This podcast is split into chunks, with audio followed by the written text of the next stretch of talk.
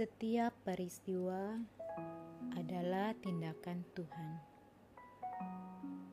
Apakah kamu membayangkan bahwa sebuah peristiwa itu dapat terjadi apabila aku tidak menghendakinya?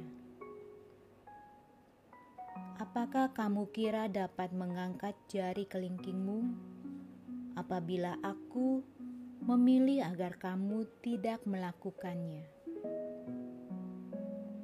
Kamu tidak dapat berbuat apa-apa kalau aku menentangnya. Namun, marilah kita lanjutkan untuk menjelajahi gagasan kematian yang tidak adil itu bersama-sama. Apakah salah apabila sebuah kehidupan itu dipersingkat oleh penyakit? Bagaimana dengan kecelakaan? Kecelakaan yang konyol? Aku tahu fakta bahwa kamu tidak paham adalah bukti kehendak Tuhan.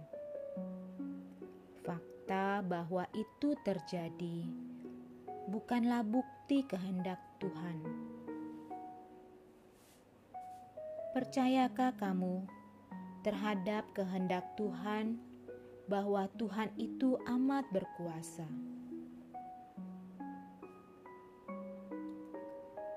Sudah jadi kehendakku bahwa kamu sekalian mempunyai pilihan bebas. Namun, bukan kehendakku agar kamu dihukum tanpa henti, tanpa akhir jika kamu tidak membuat pilihan yang kuinginkan.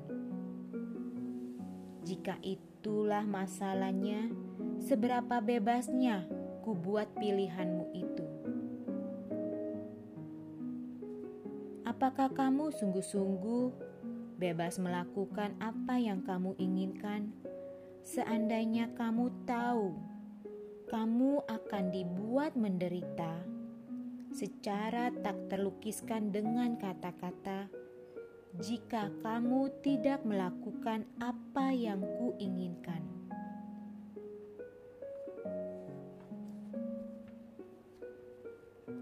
Tapi siapa yang membuat hukum alam itu? Dan jika kita bisa menyepakati bahwa aku harus meletakkannya di tempatnya, hukum semacam itu, lalu memberimu kuasa untuk mengatasinya. Jika aku tidak ingin kamu terpengaruh olehnya, seandainya sudah jadi kehendakku bahwa keberadaanku yang indah ini tidak pernah harus menderita mengapa aku akan menciptakan kemungkinan bahwa kamu bisa? Mengapa aku harus mencobai kamu siang, malam, hanya untuk melanggar hukum yang telah kutetapkan? Tidakkah kamu lihat cara satu-satunya agar kamu mampu mewujudkan teologimu itu dengan menyatakan ketidakberdayaanku. Pahamkah kamu bahwa satu-satunya cara untuk menjadikan konstruksimu masuk akal adalah dengan menjadikan konstruksiku tidak masuk akal? Apakah kamu sungguh-sungguh merasa nyaman dengan ide adanya Tuhan yang mencipta makhluk yang sepak terjangnya tidak dapat dikendalikan.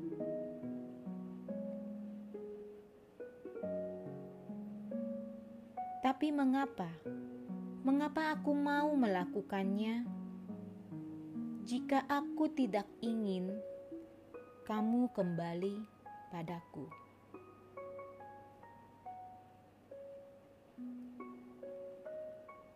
Dalam realitasmu, Kebaikan tidak ada tanpa kejahatan. Jadi, kamu juga percaya, pastilah demikian pula dalam realitasku. Namun, inilah yang kukatakan kepadamu: tidak ada yang jahat di mana pun aku berada, dan tidak ada kejahatan.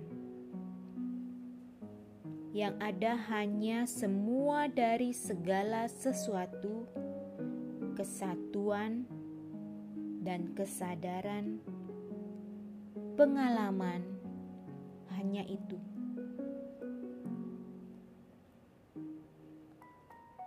Realitasku adalah kerajaan mutlak, di mana satu hal tidak ada dalam kaitannya dengan yang lain, namun mandiri terhadap apa saja. Realitasku adalah tempat di mana semua yang ada adalah cinta. Tidak ada kematian kehidupan akan berlangsung selamanya dan selama-lamanya. Kehidupan memang demikian. Kamu hanya berubah bentuk. Setelah kamu berubah bentuk, konsekuensi tidak lagi yang ada hanyalah mengetahui. Konsekuensi adalah unsur reaktivitas, konsekuensi tidak memiliki tempat di dalam yang mutlak. Karena konsekuensi bergantung pada waktu yang linear dan peristiwa yang runtut. Semuanya ini tidak ada dalam kerajaan yang. Dalam kerajaan itu, tidak ada apa-apapun kecuali kedamaian, kegembiraan, dan cinta. Dalam kerajaan itu, akhirnya kamu akan mengetahui kabar gembira itu, yaitu bahwa iblismu tidak ada, bahwa kamu adalah kamu yang senantiasa kamu perkirakan sebelumnya itu yaitu kebaikan dan cinta. Idemu bahwa mungkin kamu ini adalah sesuatu yang lain, berasal dari kegilaan dunia luar yang menyebabkan kamu bertindak gila juga. Dunia luar yang syarat oleh penilaian dan kutukan sesama mulah yang menilaimu. Dan dari penilaian mereka itu, kamu menilai dirimu sendiri. Sekarang kamu ingin Tuhan menilai kamu, dan aku tidak akan melakukannya. Dan karena kamu tidak memahami, ada Tuhan yang tidak akan bertindak seperti manusia kamu tersesat. Teologimu adalah upaya kamu untuk menemukan dirimu kembali.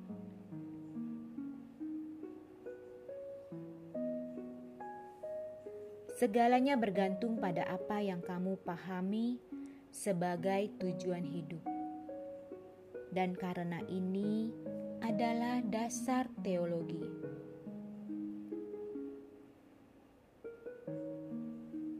Jika kamu percaya kehidupan itu adalah sebagai batu ujian, percobaan, kurun waktu yang menempatkanmu untuk melihat kalau-kalau kamu ini berharga,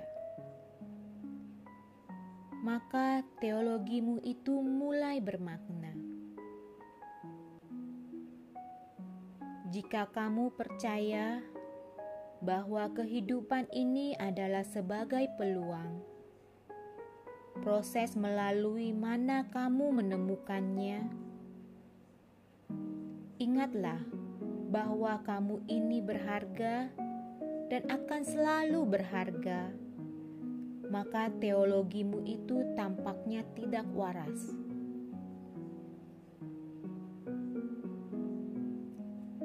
Jika kamu percaya bahwa Tuhan itu adalah Tuhan yang dipenuhi dengan ego yang selalu menuntut perhatian, kekaguman, kasih sayang, dan akan membunuh untuk mendapatkannya, maka teologimu tampaknya masuk akal.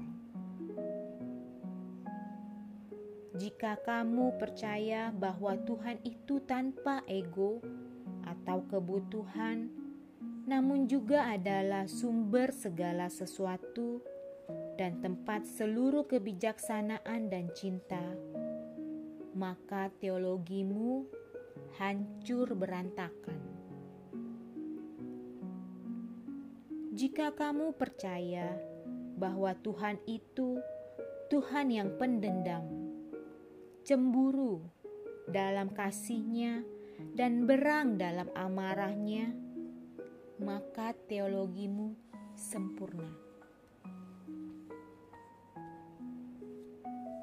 Jika kamu percaya bahwa Tuhan itu adalah Tuhan yang cinta damai, yang gembira dalam cinta, dan berbelas kasih dalam kebahagiaannya, teologimu itu tidak ada gunanya. Beginilah kataku,